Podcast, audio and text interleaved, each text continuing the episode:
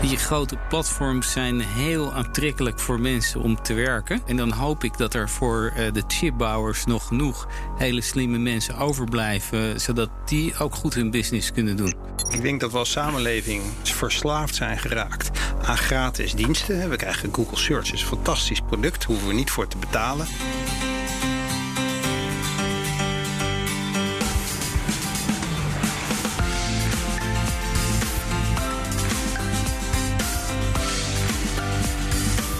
Je luistert naar De Questie, een podcast van de Amsterdam Business School. In deze podcast praten we over de wetenschappelijke inzichten bij en de echte impact van bedrijfskritische ontwikkelingen. Mijn naam is Sander Denneman. Autoriteit Consumentenmarkt, ACM, gaat onderzoeken of Apple misbruik maakt van zijn machtspositie. En dan specifiek waar? Ja, in de App Store. In 2013, Alipay passed PayPal as the world's largest mobile payment platform. Na komend weekend wordt nieuws verwacht over het Amerikaanse onderzoek naar de machtspositie van een groot aantal techbedrijven. En er wordt met spanning op gewacht, neem ik aan. Ja, het is gewoon wel interessant om in de gaten te houden, want dit is natuurlijk het grote verhaal over het grote onderzoek naar Amazon, Apple, Facebook en Google. In deze aflevering hebben we het over de dominante positie van Amerikaanse en Chinese big tech platformen. En dat hoor je van mijn gasten Mark Salomon. Uh, verantwoordelijk voor de Business School van de Universiteit van Amsterdam. En van Martijn Snoep. Bestuursvoorzitter ACM, Autoriteit Consumentenmarkt. Apple, Facebook, Google, Alibaba. Er is geen consument of bedrijf in Nederland, nee, in de wereld, die niet op een of andere manier met deze platformen te maken heeft. We kennen allemaal de voordelen. Binnen een fractie van een seconde contact met iemand op een ander continent. Nooit meer een backup verloren door de cloud en altijd en overal snel en eenvoudig betalen. De Amerikaanse en in toenemende mate ook Chinese big tech bedrijven hebben in een razend tempo de manier van hoe we communiceren, werken, kopen en denken veranderd. Maar tegen welke prijs? Dat er privacyproblemen zijn, daarvan zijn we ons inmiddels bewust. Maar welke economische schade leiden consumenten en bedrijven? En wat betekent deze dominantie voor de Nederlandse concurrentie en kennispositie? Daarover hebben we het in deze kwestie. Mark uh, van de Amsterdam Business School en Martijn van de Autoriteit Consument en Markt. Welkom. Uh, Martijn, om bij jou te beginnen, wanneer heb jij voor het laatst iets op Alibaba besteld? Uh, ik heb eigenlijk nog nooit wat op Alibaba besteld. Nog nooit? Nee, wel andere platforms, maar Alibaba nog nooit. Nee, dat, is, dat ben je een van de weinige Nederlanders, denk ik. Ja, dat weet ik niet. Dus uh, nog nooit. Maar ook niet, je dacht niet, nou, die, die Apple Watch, die, die wil ik wel. Maar uh, voor 100 euro via Alibaba is een, uh, is een Chinese namaak ook goed? Nee, nog nooit gedaan. Oké, oké, oké. En, en Mark, um, wat, wat is in de wetenschap eigenlijk de dominante kennisdelings- of samenwerkingsplatform? Je hebt, je, hebt geen global platform, dus waar alle wetenschappers allemaal tegelijk op zitten. Je hebt wel per uh, specialisme heb je van dat soort platforms. Ik ben zelf toegepast wiskundige. En uh, er is een Europees platform van Euro en er is een Amerikaans platform. En als ik iets wil weten in het algemeen over wetenschappelijke publicaties, kijk ik toch heel vaak op Google of op Google Scholar. Dat is dan een gespecialiseerde versie van Google waar je wetenschappers op kan vinden en publicaties. Dus toch weer Google die dan, dan de dienst uitmaakt. Ook daar een beetje, ja. ja. Oké, okay. dus ze zitten dus, dus het, het probleem waar we, waar we over gaan hebben zit, die, die, die gaat, dat gaat zelfs tot in de, in de krochten van de wetenschap uh, weten ze voet aan de grond te krijgen. Zeker. En dan is het misschien nog maar een zegen dat het een Amerikaans uh, platform is en niet een Chinees? Dat weet ik niet. Ik, ik, kijk naar de kwaliteit van het platform. Veel mensen zitten erop. Ze hebben heel veel publicaties van mensen goed gekarakteriseerd, goed gecatalogiseerd. Dus het is heel handig. Oké, okay, oké. Okay. Want daar, daar draait het natuurlijk deze aflevering om de dominantie van Amerikaanse en Chinese uh, big tech bedrijven. Uh, dat gaat dus om producten en diensten van bedrijven als het Amerikaanse Apple, Google noemde net al, het Chinese Alibaba. Um, om te beginnen, uh, zoals altijd, uh, trappen we af met het wetenschappelijke perspectief. Mark, als ik jou vraag, uh, hoe afhankelijk zijn we in Nederland en Europa van Amerikaanse en Chinese big tech platforms? Wat, wat zeg jij dan? Nou, ik had eigenlijk drie factoren waar we heel afhankelijk zijn geworden, denk ik. Um, of waar we in ieder geval met z'n rekening mee moeten houden. Het eerste is dus dat consumenten dat soort platforms superveel gebruiken. En ehm, ja, misschien wel te veel uh, betalen ook uh, voor hun producten die ze daarop kopen. Het tweede punt is. Uh, ja, ho hoezo? Want ik heb het gevoel dat het juist allemaal hartstikke goedkoop wordt. Ja, nou ja, dat is in principe ook wel zo dat het in eerste instantie goedkoop kan worden op zo'n platform. Maar het is natuurlijk wel zo dat door prijspolitieken die soms die platforms hanteren, er con veel concurrentie verdwijnt. Ze daardoor eigenlijk ja, een soort monopoliepositie krijgen, de aanbieders, en de prijs omhoog kan gaan uiteindelijk. Ja, wat, wat, wat bedoel je dan dat ze eigenlijk eerst uh, de prijs heel erg drukken, misschien zelfs onder de kostprijs gaan verkopen om mensen de andere partijen de markt uit te drukken? Dat, dat zou kunnen, ja. Dat, uh, daar zijn wel aanwijzingen daarvoor dat dat uh, gebeurt. Het is, is natuurlijk heel moeilijk om dat precies in allerlei situaties te bewijzen. Maar er zijn wel aanwijzingen voor dat dat gebeurt, ja. is, dat, is dat, Martijn, is dat iets wat je herkent? Uh, is, is de ACM, zien die dat gebeuren? Nou, het is wel de zorg. Die, is, die, die herken ik heel erg sterk. Uh, we zien het nog, dit aspect nog niet heel in het bijzonder. Dat uh, de grote platforms, wat heet een predatory strategie hebben... door eens heel erg laag met de prijzen te gaan... om hem daarna weer omhoog te krijgen. We zien wel heel erg laag met de prijzen... maar nog niet heel sterk met de prijzen weer omhoog. Oké. Maar dat is, dus, het is een, waarom is het dan een. Uh, misschien een vraag aan jullie beiden. Waarom is het dan een zorg als we tot nu toe alleen maar dalende prijzen zien? Nou ja, denk... Omdat het een logisch vervolg zou ja. kunnen zijn. Hè? Dus het, is, ja. het is niet op het moment, en da daarom zien we ook, maken we ons ook wel zorgen. Het zou een strategie kunnen zijn, die het ook niet uniek voor is voor deze sector. Is om eerst je concurrenten van de markt af te duwen. En vervolgens de prijzen weer omhoog te doen. Maar het hangt heel erg af van de toetredings tot de, maar, to toetredingsdrempels tot de markt. En dit zijn natuurlijk markten met enorm enorme schaalvoordelen. En dus als je al een hele grote schaal hebt, hoef je je prijzen maar een klein beetje te verhogen. En is het toch nog steeds heel moeilijk voor andere partijen om daarop te komen. Dus ik zie, ik vind dit punt is inderdaad een, een zwaar punt. Maar ik denk dat er ook heel belangrijke geopolitiek punt is, is namelijk we zijn ontzettend afhankelijk van bedrijven waar we toch maar heel beperkt invloed op hebben. Ja, want, ja. want dat, dat inderdaad, dat, dat is de vraag natuurlijk inderdaad, hoe afhankelijk zijn we, Mark? Is dat wat dat, ja, dat vind je ook? De, de gro grote afhankelijkheid. Ik, ik, wilde nog iets aanvullen over uh, de pricing is natuurlijk één aspect. Een ander aspect is ook uh, manipulatie in zoekresultaten. Dus uh, ja, dat is ook heel moeilijk aan te tonen in welke mate dat gebeurt. Maar ook een zorg dat dat uh, zou kunnen gebeuren. Uh, dat uh, die grote organisaties als Google in de zoekresultaten hun eigen subsidiaries bevoordelen. Ja, dat, dat als ik zoek op, uh, op, op cloud storage, dat per definitie uh, de Google Cloud naar boven ja, komt. Zulk soort, uh, zulk soort dingen. In ieder geval dat er organisaties naar boven komen waar Google een belang in heeft. Een financieel belang of een ander belang.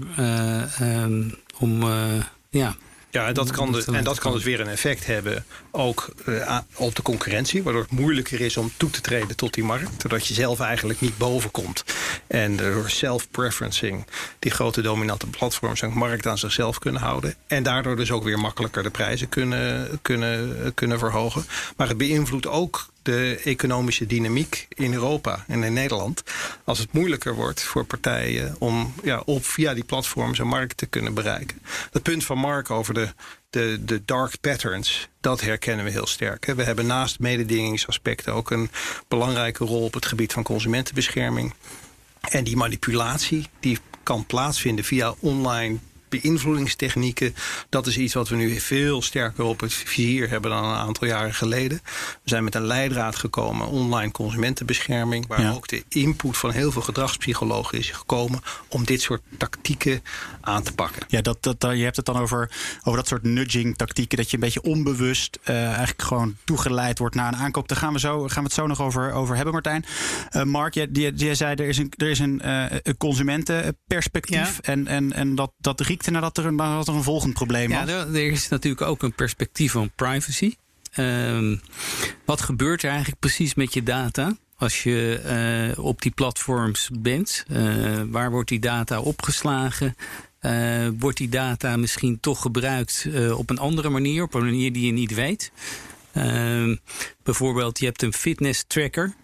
Uh, die data wordt opgeslagen op een platform. Misschien heeft dat platform ook een afdeling die verzekeringen verkoopt.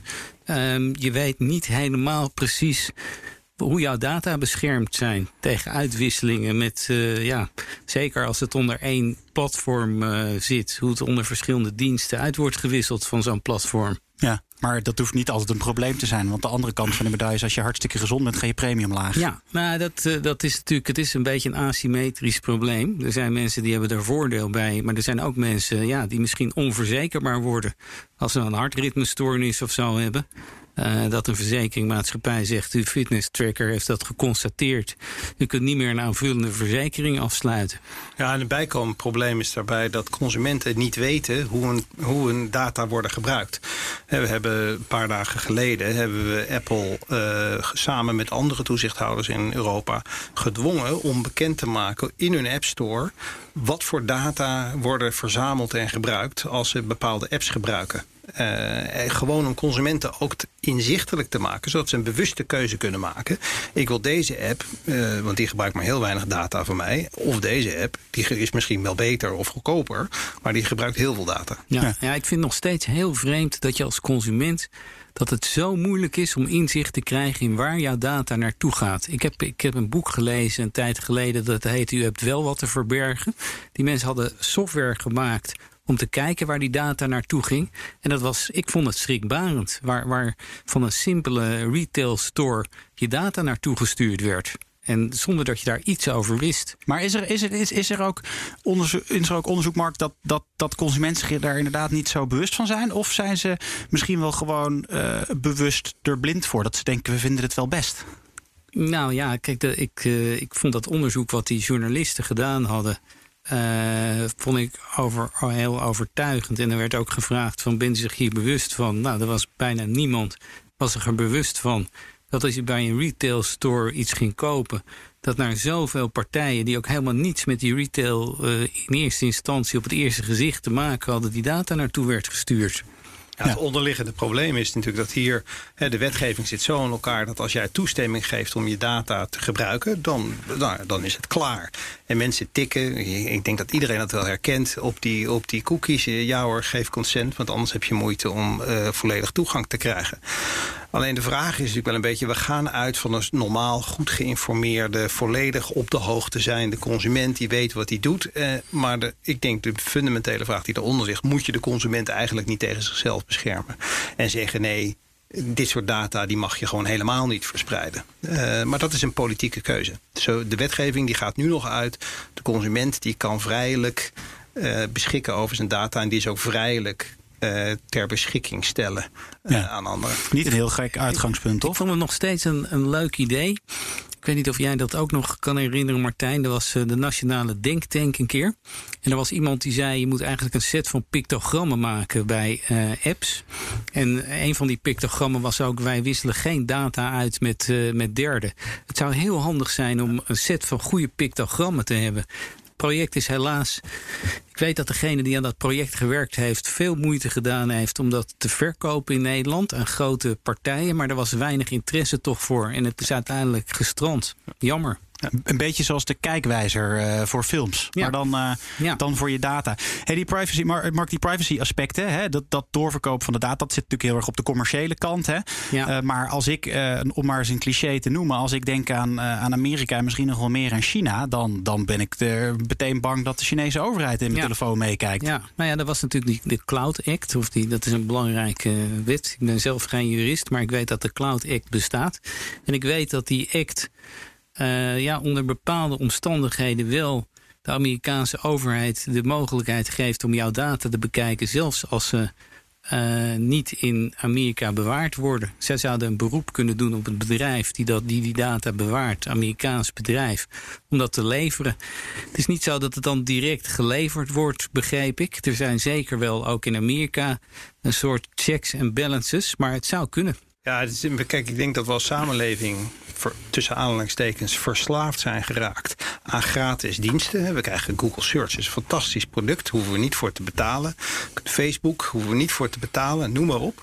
Maar we betalen natuurlijk wel met onze data. Ja. En, en dat is het, en dat is het bedrijfsmodel wat er aan ten grondslag ligt, gebruikt onze data. Ja. Ja, en, dat, en de vraag is, ja, hoe wil je dat? Ja. Maar ja. het alternatief, namelijk dat je gaat betalen voor, voor Google Search, dat is ook niet heel erg aantrekkelijk voor veel mensen. Dus het is echt een dilemma. Ja, ik, ben, ik ben ook niet gerustgesteld als een Amerikaans bedrijf zegt: wij bewaren uw data in Europa.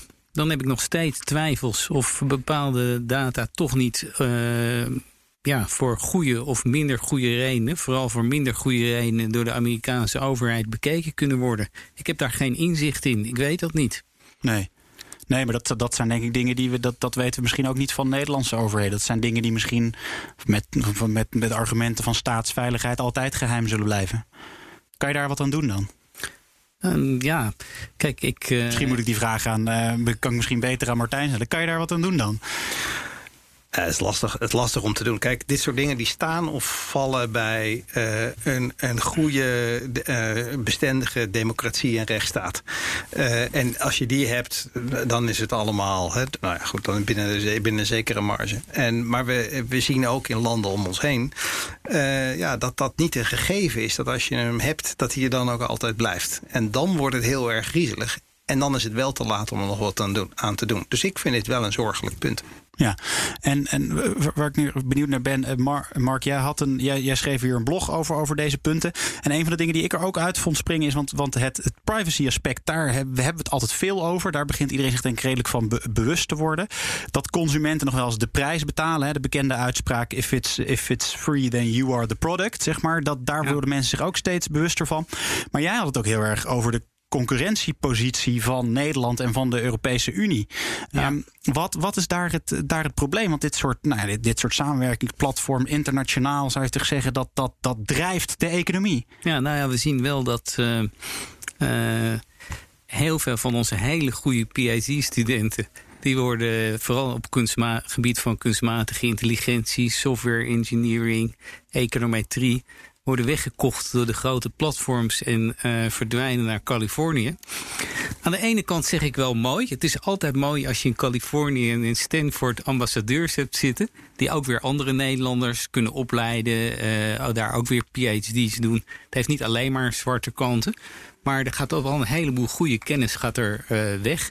En ik maak me ook zorgen als dat soort kennis weggaat over je Europese en Nederlandse concurrentiepositie kan je zelf nog wel de hele slimme, goede dingen verzinnen en daar hier een goede, goed economisch model aan, uh, aan verbinden. Want mensen hier moeten natuurlijk ook inkomen hebben en kunnen leven.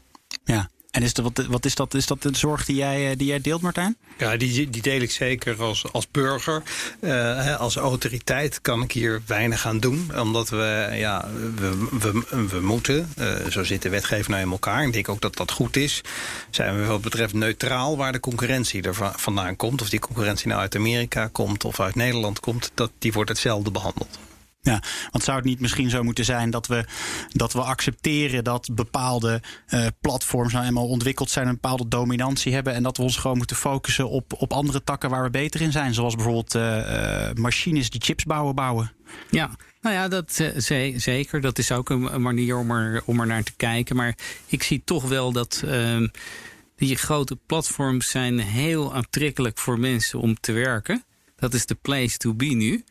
Ja, daar gaan veel mensen naartoe. En dan hoop ik dat er voor uh, de chipbouwers nog genoeg hele slimme mensen overblijven. Zodat die ook goed hun business kunnen doen. Dus ja, ik vind wel dat we echt wat er tegenover moeten stellen. En wat moeten we er dan tegenover stellen, Mark? Um, ja, ik, um, ik vind zelf dat wij uh, services zoals uh, cloud storage, uh, AI-algoritmiek um, ook grootschalig moeten gaan aanpakken in Europa dat wij ook moeten proberen om dat soort bedrijven zoals Google op te gaan zetten. En uh, ik zeg niet dat het de enige strategie is. De dingen die Martijn doet zijn ook dingen die helpen om een goed speelveld te krijgen. Maar ik vind, ik vind uh, dat we niet alleen maar defensieve dingen moeten doen, maar ook offensieve dingen. En met defens defensief bedoel je wat Martijn aan het doen is, dat is eigenlijk wetgeving en handhaven. Wetgeving, handhaving, um, onderzoek. Um, dat, is allemaal, dat moet je altijd doen. Dat is supergoed. Maar ik vind dat je het ook moet verbinden met, uh, met andere dingen. En waar ik me zorgen over maak, die dingen gebeuren wel in Europa, maar ze komen niet heel goed van de grond. En zo Gaia X het is een project waar veel over geschreven wordt. Het is, uh, ik snap, het is een super moeilijk om zulke projecten over meerdere Europese landen te doen. Maar ik lees er al twee, drie jaar lees ik erover. Ik zie er eigenlijk niets van. Nee. Nee, en als je er iets over leest, dan gaat het over ruzie tussen landen wat de standaard moet zijn. Ja.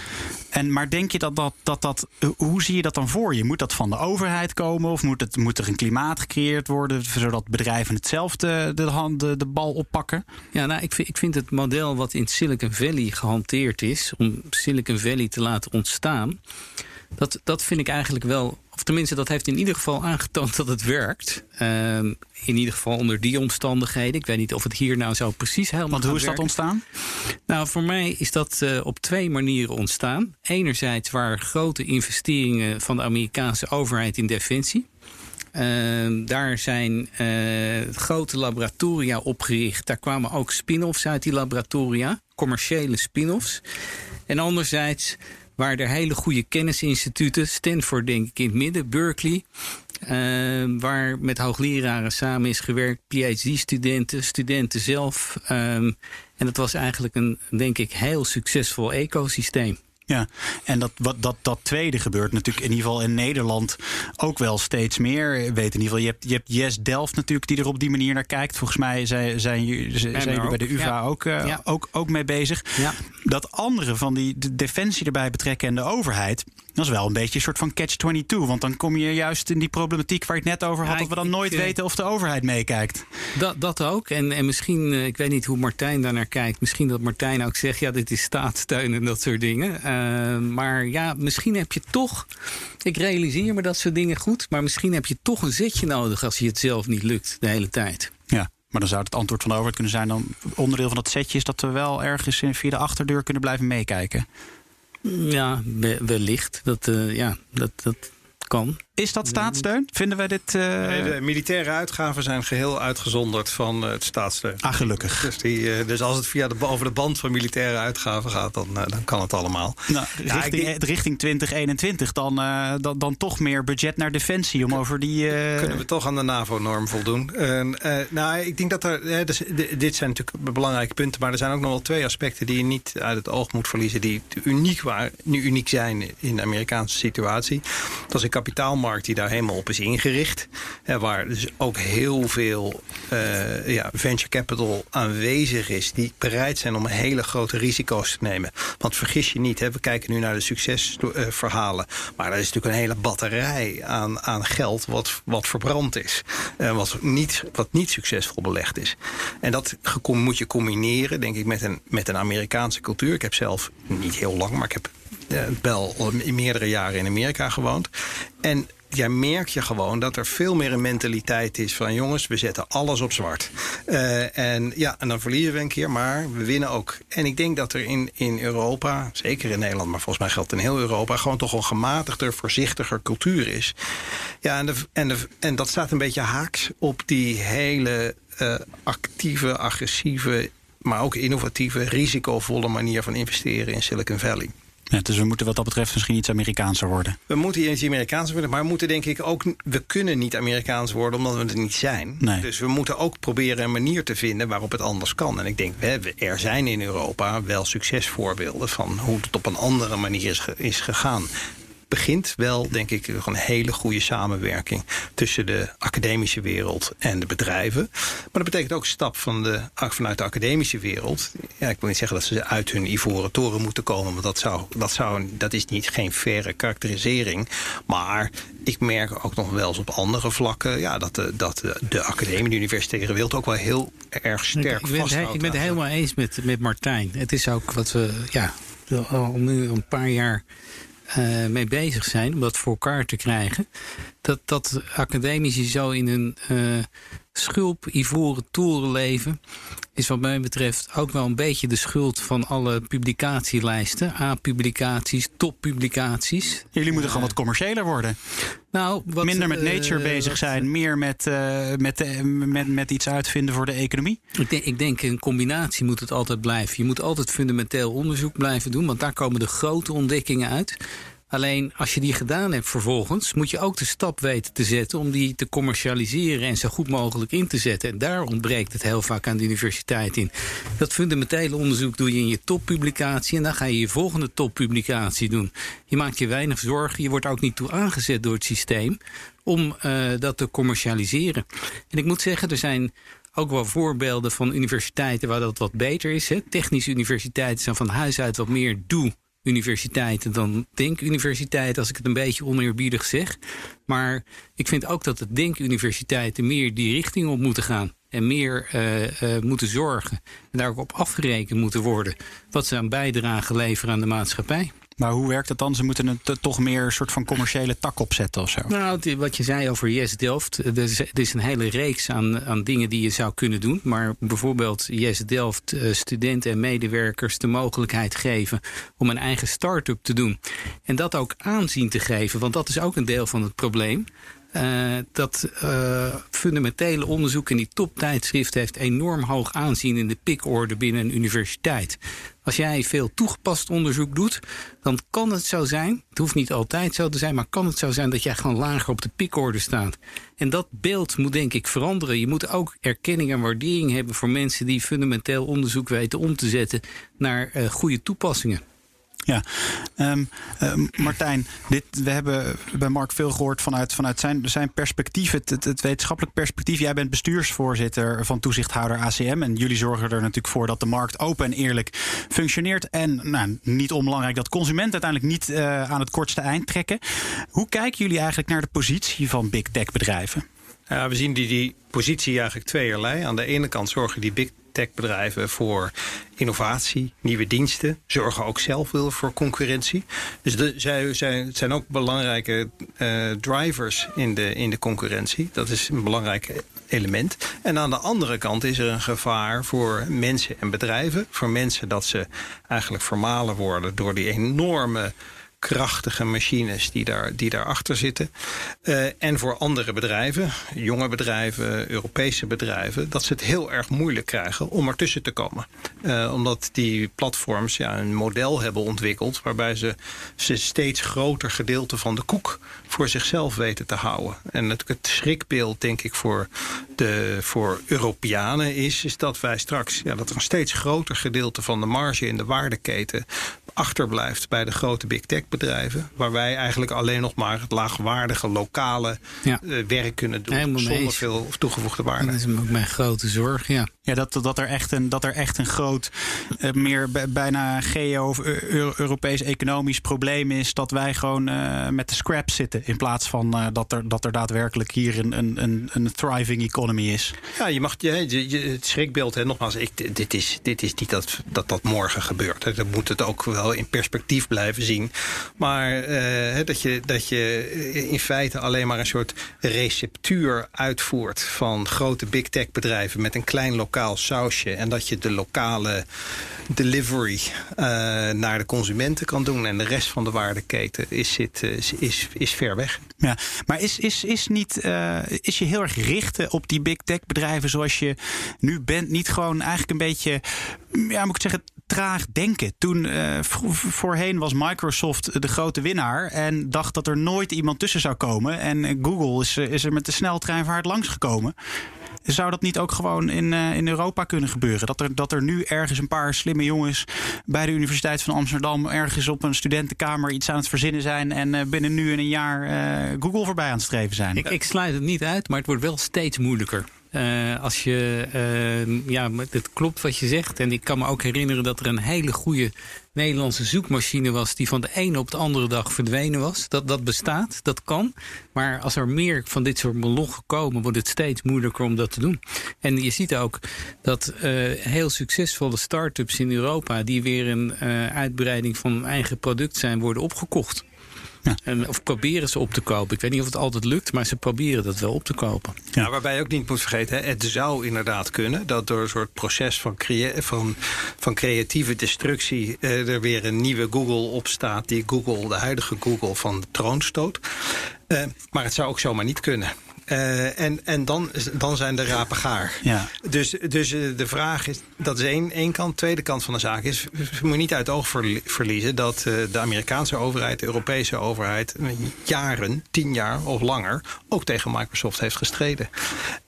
en soms is het ook zo dat juist die strijd tegen die grote molochen wel ruimte al biedt voor anderen.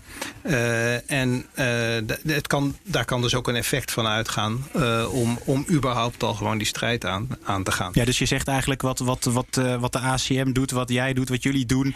Dat uh, zelfs als het uh, niet helemaal uitgeprocedeerd wordt, kan al, kan al een ruimte creëren. Want geef eens wat voorbeelden. Wat, wat doen jullie tegen deze jongens? Nou ja, dit, het goed belangrijk is om te zeggen, wij, wij doen het, maar we doen het samen. We doen het samen met toezichthouders in heel Europa, eigenlijk toezichthouders over de hele wereld.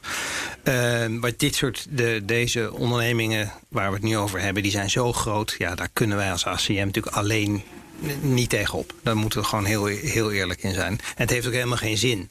Want de, problemen zijn over de hele wereld min of meer hetzelfde. Of in ieder geval in de Verenigde Staten en, en in Europa. Um, en dat betekent dat je samen moet optrekken. En dat is een soort werkverdeling. Zo gaat het ook letterlijk. Uh, wij overleggen geregeld met de Europese Commissie. En dan zegt de Commissie, ja, ik pak dit op. Misschien kan jij dan dit oppakken. Ja. Zo doen we een groot onderzoek naar de, naar de, uh, de App Store van Apple. Die, uh, die bedrijven, die app-aanbieders uh, eh, 30% van hun omzet afroomt uh, voor diensten die worden verkocht via die apps. Nou, dat is een behoorlijk bedrag. En dat betekent dus ook dat een heel groot deel van die waarde die uh, die, die app-aanbieders weten te genereren naar Apple verdwijnt. Ja. Nou, dat zijn we aan het onderzoeken en daar hopen we over niet al te lange tijd mee naar buiten te kunnen komen wat de resultaten van dat onderzoek zijn. Ja, want heeft dat, heeft, maar heeft dat onderzoek dan bijvoorbeeld nu al effect? Meer zie je dat? Dat, dat gewoon die druk ervoor zorgt dat er, dat er dingen veranderen? Nou, niet ons onderzoek. Uh, maar ik denk doordat er door andere autoriteiten ook naar wordt gekeken, zie je dat Apple al een kleine beweging heeft gemaakt door een, een kleine app-aanbieders, behoorlijk kleine app-aanbieders, uh, uitzonderen van die 30%-regel en daar 15% aan te bieden. Nou, dat is, dat is al winst. Uh, uh, dus je ziet wel dat er beweging is uh, wat die bedrijven gaan doen. Nou, kort geleden is de Amerikaanse overheid, de Federal Trade Commission, dat is zeg maar onze evenknie in de, in de Verenigde Staten, die is een actie begonnen tegen Facebook, wat er uiteindelijk in hun ogen toe moet leiden dat Facebook, WhatsApp en Instagram moet afstoten. Uh, en dat is, dat is nogal wat. Hè? Dat is echt het opbreken van een deel van het Facebook-imperium. Ja. nou, dat zijn allerlei kleine aspectjes die helpen bij dat grotere plaatje om ervoor te zorgen dat ja, niet wij, en dat bedoel ik onze samenleving, worden geregeerd door big tech, maar dat de samenlevingen regeren over big tech. Het is ook een element van democratie dat we niet grote bedrijven zo groot laten worden en dat wij als samenleving daar zo afhankelijk van zijn dat ze in feite ons controleren. Ja, en heeft, heeft Nederland, uh, welke positie heeft Nederland dan binnen Europa? Want uh, nou, dit soort onderzoek zoeken tegen. Het is een beetje David uh, tegen Goliath. Um, uh, klinkt ook wel een beetje alsof als we kijken naar de schaal die dat soort bedrijven hebben en, en onze economie, dat we een vrij grote broek aantrekken. Nou, we, we, ja. we zijn een beetje de muis en de olifant en we stampen lekker, we stampen lekker mee op de brug uh, als de muis. maar we doen dat ook niet in de wetenschap dat wij, of in de, in de, in de verbeelding dat wij dit allemaal gaan veranderen. Maar ons steentje helpt ook mij. Ik zie het een beetje als onze bijdrage aan de NAVO.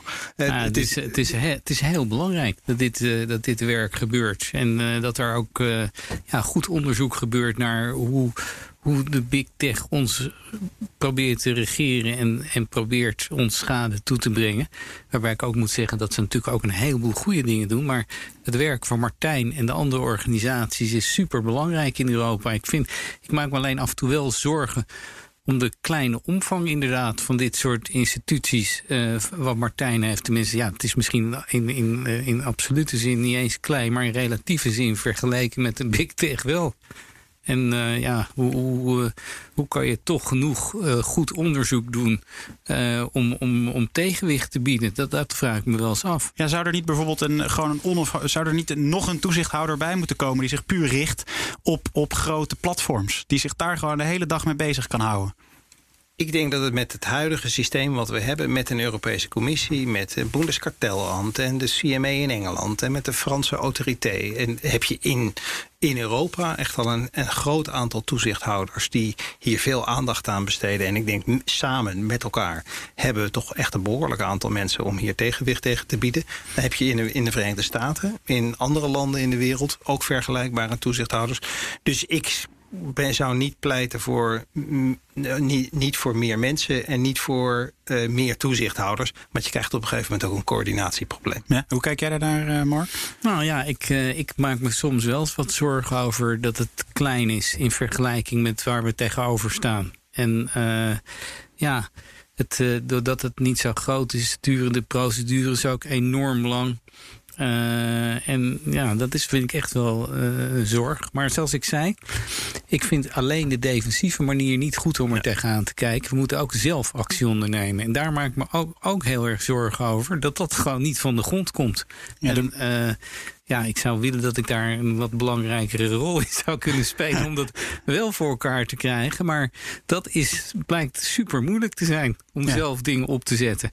En eh, nou ja, zoals ik zei, het zijn aan de ene kant cloud services waar Gaia X zich op richt. Maar ook de meeste AI-apps zijn AI-apps die door M op het platform van Amazon, van Google uh, uh, gevonden worden. Die heel veel data van mensen verzamelen. Gewoon geïncorporeerd worden in allerlei standaard toepassingen ja, als alle data daar naar Amerika gaat, dan kan je daar op zich ook weer een groot competitief voordeel verder uithalen. En uh, ja, ik, eh, ik denk we moeten echt proberen om actie te ondernemen. Ja, en wat zou dan, zou dan, uh, wat, wat zou dan een goed idee zijn? Mark, zou je zeggen, misschien, wat, um, misschien onszelf wat, wat Chineeser gedragen? Dus dat er bijvoorbeeld Europese bedrijven juist mm, wat minder streng zijn en naar spelers van buitenaf uh, wat strikter, zodat het wat makkelijker kan ontwikkelen? Nou, ik denk wat Martijn doet is een belangrijk iets erin. Dus goede regels stellen om, nou ja, als ik het even negatief uitdruk, de big tech wat te verzwakken hier. Uh, dat geeft je ook wat meer ruimte om uh, zelf dingen op te zetten. Maar wat ik in Europa wel verder zie is uh, toch altijd, ook in die discussie van Gaia X, veel verdeeldheid. Van hoe moeten we het aanpakken? In welk, welk land gaat er het meeste van profiteren? Waar moet het hoofdkantoor komen? Welke standaards? Franse standaards, Duitse standaards? Ja, dat vind ik jammer. En eh, daar maak ik me ernstig zorgen over. Dat er eigenlijk niks komt. Snap ik. En ik, waar, waar ik op, aan, op aansla, Marcus, jij zei, jij zei het, gaat, uh, het gaat vaak zo traag. Het duurt allemaal zo lang. En dat heeft er misschien ook wel mee te maken dat, dat, dat wat er is, is um, je kan wetgeving, regelgeving, dat is natuurlijk een heel democratisch proces. En je kan toezicht houden en, en handhaven. Maar dat is, dat is uh, weet je, after the fact natuurlijk. Dat, dan is het al gebeurd. Um, nu komt er nieuwe, nieuwe regelgeving aan van de Europese Commissie zit er aan te komen. Gaat dat de boel versnellen? Gaat dat, uh, kan je op de muziek vooruit gaan lopen, Martijn? Nou, dat zou de boel wel moeten gaan versnellen, omdat het namelijk de, de Europese Commissie een instrument in handen geeft om maatregelen op te leggen aan die grote big tech bedrijven, aan de poortwachterbedrijven, uh, zonder vast te hoeven stellen dat ze de wet hebben overtreden. Uh, en dat is dus het voordeel dat je in een andere omgeving dat, uh, de, die, die maatregelen kan opleggen. Die bedrijven die worden niet geconfronteerd met, oh ik heb de wet overtreden, maar die worden geconfronteerd met de maatregel. Die maatregel zullen ze overigens ook wel vervelend vinden. Dus ik, dus de kans dat je hier nul juridische procedures over krijgt, die is niet zo groot. Maar je krijgt wel een ander type juridische procedure. En je zal ook, en dat hoop ik en dat verwacht ik ook wel, meer mogelijkheden krijgen tot een, tot een compromis. Tot eigenlijk tot een schikking. De inzet van de Europese Commissie zal dan zijn... nou, je moet voortaan dit doen of je mag dat niet meer doen. En die bedrijven die, nou, die, die willen dat dan niet... en die gaan ergens eh, proberen in het midden uit te komen, ja. maar even zo te zeggen. En daar kun je dan op, op vastzetten. En het voordeel daarvan is, van zo'n schikking, als je het zo zou moeten noemen... is dat die bedrijven niet hoeven te erkennen dat ze fout, iets fout hebben gedaan. Want dat leidt tot allerlei schadeclaims en allerlei gedoe. En dat is het, het probleem met het huidige stelsel. Dat als je zo'n schikking bereikt, dan, heb je eigenlijk, dan moet je erkennen dat je de wet hebt ja. overtreden. Oké, en maar dat, dat klinkt ergens, uh, zegt de, de, de, juristen mij ergens ook wel een beetje gek. Want dan ga je ze al straffen voordat ze iets verkeerd hebben gedaan. Nou, je straft ze niet, hè, want je kan geen boete opleggen. Je kan ook geen last onder dwangsom leggen. Maar je kan alleen ja, maar, maar dat zeggen... is misschien een beetje semantiek. Nee, dat is geen semantiek. Dat is wel een heel groot verschil. Want je, in het ene geval zeg je, je hebt de wet overtreden en daarvoor straf ik je. En in het andere geval zeg je, wat jij doet is slecht voor de samenleving en slecht voor de economie. En onder bepaalde voorwaarden kan ik jou dus een beperking oplegt. Het is eigenlijk een vorm van wetgeving. Daarom heet het ook regulering. Oké. Okay. Uh, dus, en, ja. En daar moet natuurlijk een democratische legitimatie voor zitten. Daarom moet er een wet zijn die die mogelijkheden biedt. Uh, of voor toezichthouders om dat te doen. En daar komt de rechtelijke toets uh, overheen. Die rechter die zal toetsen. Ja, mag het wel? Past het wel binnen de wettelijke kaders? En is het proportioneel? Ja, Mark, offensief genoeg dit? Uh, ja, dit, uh, dit klinkt goed. Ik had nog wel één punt. Dat zie je ook wel in de literatuur. Daar wordt heel vaak gezegd van... Amerikaanse bedrijven worden heel hard aangepakt profiteren Chinese bedrijven daar niet van? Ik ben heel benieuwd hoe Martijn daar ook over uh, denkt. Als ik zelf ook een vraag mag stellen. Ja, zeker. Nou ja, het is, ik denk hè, de problemen waar we op dit moment het meeste last van hebben... ook als je kijkt vanuit consumentenbescherming... als je kijkt van privacy... en als je kijkt naar wat de effect op de economische structuur is... dan zijn het vooralsnog vooral de Amerikaanse big tech bedrijven. Ik denk waar we natuurlijk eh, oog vanuit geopolitiek oogpunt oog voor moeten hebben, is dat we de, de Amerikaanse bedrijven inperken en daardoor eigenlijk de deur wagen, wagen bij het openzetten dat de Chinese bedrijven die positie innemen. Nou, dat is iets waar we waakzaam moeten zijn. Maar het is niet zo dat die Chinese grote platforms op dit moment in Europa de positie hebben die vergelijkbaar is met die van de grote Amerikaanse platforms. Nee. Um, uh, Martijn Mark. Uh, dat brengt ons al, uh, alweer richting het, richting het einde. Um, en we sluiten de kwestie altijd af met een vraag van een student aan de Universiteit van Amsterdam. Deze keer is dat, nou, student is oneerbiedig om te zeggen. Het is Ruben van Oosten. Hij is promovendus aan de Amsterdam Business School. En hij doet onderzoek naar concurrentie tussen big tech platformen. Zullen we even gaan luisteren naar zijn vraag aan jullie? We kennen allemaal de verhalen van de Amerikaanse ondernemers die in hun garage Apple, Amazon en Google zijn begonnen. Blijkbaar zit het in de Amerikaanse cultuur om risico te nemen en competitief te zijn. blijkbaar is er in de VS een voedingsbodem voor start-ups om uit te groeien naar een miljoenenbedrijf. Kunnen wij in Europa wel zo'nzelfde ondernemersklimaat creëren? En hebben wij de economische structuur die nodig is voor techkampioen? Ja, jij, jij, noemde dit natuurlijk net ook al uh, eventjes, Martijn. Maar, maar ja, kunnen we die, zo'n klimaat creëren? kan Europa dat wel? Of, of werkt dat gewoon niet? Ik denk dat we niet moeten proberen om een kopie te maken van Silicon Valley. Want we zitten nou eenmaal in een andere cultuur en we hebben een andere markt en we hebben een andere geschiedenis, waardoor we met allerlei verschillende landen en belangen in Europa zitten. Maar dat wil niet zeggen, we hebben hier in Europa heel veel hele krachtige, hele goede uh, uh, bedrijven met een lange traditie van innovatie. Ik denk dat we daar, dat dat we kunnen niet anders dan ook daar heel erg naar kijken... om te zorgen dat we die bedrijven op de juiste manier de incentives geven... om samen met de universiteiten te investeren. Ja. ja. Nou, ik, ik geloof nog steeds toch wel een beetje in het uh, Silicon Valley model. Ik ben het wel helemaal met Martijn eens dat, uh, dat investeringsklimaat hier toch wel heel anders is. En, en misschien ook wel een beetje de drive van de mensen. Dat, dat ja, moet ik helaas toch ook misschien wel constateren. Ja, het is, ik denk, ik maar, maar, had de vergelijking inderdaad, maar is dat zo? Is het niet inderdaad gewoon een cultuurding? Zit het niet tussen de oren? Als je in Nederland failliet gaat, heb je gefaald. Als je in Amerika failliet gaat, dan heb je iets geleerd. Uh, dat, dat is het, uh, een, een belangrijk cultuurverschil. En uh, ja, omdat we een heel goed sociaal stelsel hebben, is het misschien ook wel riskant soms om, om zelf je onderneming te beginnen. Misschien beter om bij een bedrijf te blijven werken en dat soort dingen. Um, in Amerika is het natuurlijk geen, of veel minder een sociaal vangnet. Moet je meer voor jezelf zorgen. Um, maar um, ik denk, ik vind toch wel dat wat in Silicon Valley is gebeurd met die grote, dat setje van die defensie-investeringen. niet iets heel geks om hier ook eens te bekijken in, uh, in Europa. En ik weet, er wordt natuurlijk al veel door defensie geïnvesteerd. Met name in uh, cybersecurity. Uh, dat soort bedrijven. Maar misschien zijn daar ook wel, kunnen we daar toch nog wel iets van Silicon Valley leren. Uh, om ook zoiets uh, te maken op bepaalde terreinen. Ietsje meer industriepolitiek misschien, Martijn. Voel je er ook voor? Ja, dat zou helemaal geen kwaad kunnen. Nee, om ervoor te zorgen dat we niet, niet achter de feiten aanlopen. Mark Salomon, professor in Decision Science en decaan aan de Amsterdam Business School. En Martijn Snoep, bestuursvoorzitter van de Autoriteit Consumentenmarkt. Veel dank voor dit gesprek. En luister daarnaast ook naar andere afleveringen van de kwestie, die onder meer gaan over hoe je marketing inzet om juist minder te consumeren en hoe onze raden van commissarissen functioneren in tijden van crisis. Tot horens.